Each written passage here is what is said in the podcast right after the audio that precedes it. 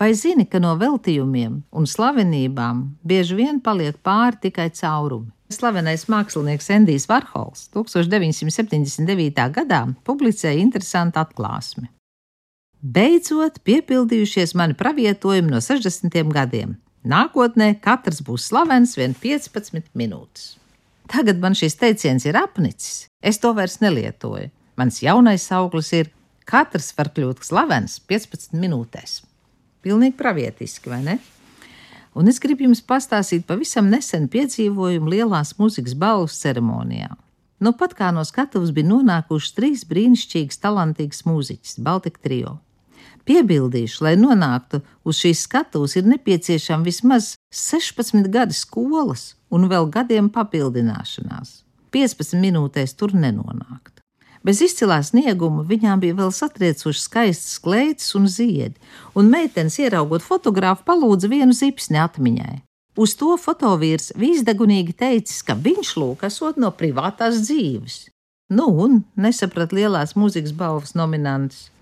Nu, es te bildēju tikai slavenības, atteica fotogrāfs. Kā jums patīk? Slavenības acīm redzot, ir tie, kas neskādēļ saskrējuši skatīties kaut kādas niecības uz skatuves. Slavenība mašinērija strādā mūsdienās, un tieši tāpat patiesībā strādāja arī agrāk. Lai gan nebija sociālo tīklu uzpūsto varoņu, vai gluži otrādi tā saucamā mobbinga, kur tolaik aizstāja tanks un dzeltenā presi. Atcerēsimies slaveno basa tanku arī no Rosīnijas Seviļas bārdziņa, vai nav jautri? Bet patiesībā tankām ir iespēja nevien celt popularitāti, padarīt par privātās dzīves slavenību, bet arī pazudināt. Izstāstīšu jums filmu drāmas cienīgu sižetu izmierīgo latviešu mūzikas dzīves.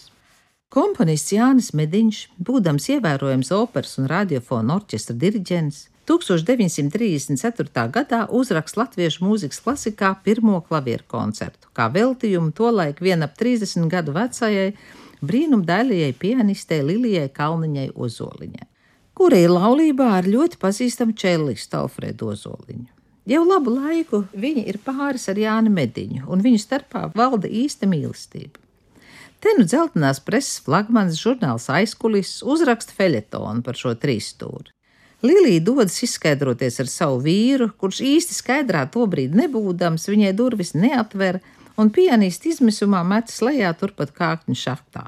Pēc Lilijas Kalniņas ozoliņas pašnāvības 23 pazīstami operas mākslinieki Starp tiem arī komponists Jānis Kalniņš un čellis Evalds Berzinskis izdemolē aizkulišu tipogrāfiju, protestējot pret mākslinieku personiskās dzīves aizskaršanu. Taču sensacionālā notikuma aprakstīšanā iesaistas arī citi izdevumi - Sievodņa večeram, pēdējā brīdī atpūta, un vēl tiek doti mājieni par to, ka nesen naciķi izdemolējuši sociāldemokrātus.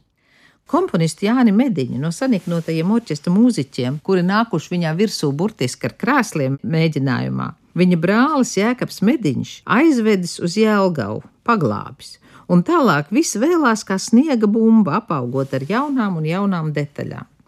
Galu galā pianiste apglabāta kopā ar klavieru koncerta titulapu, uz kuras bija veltījums.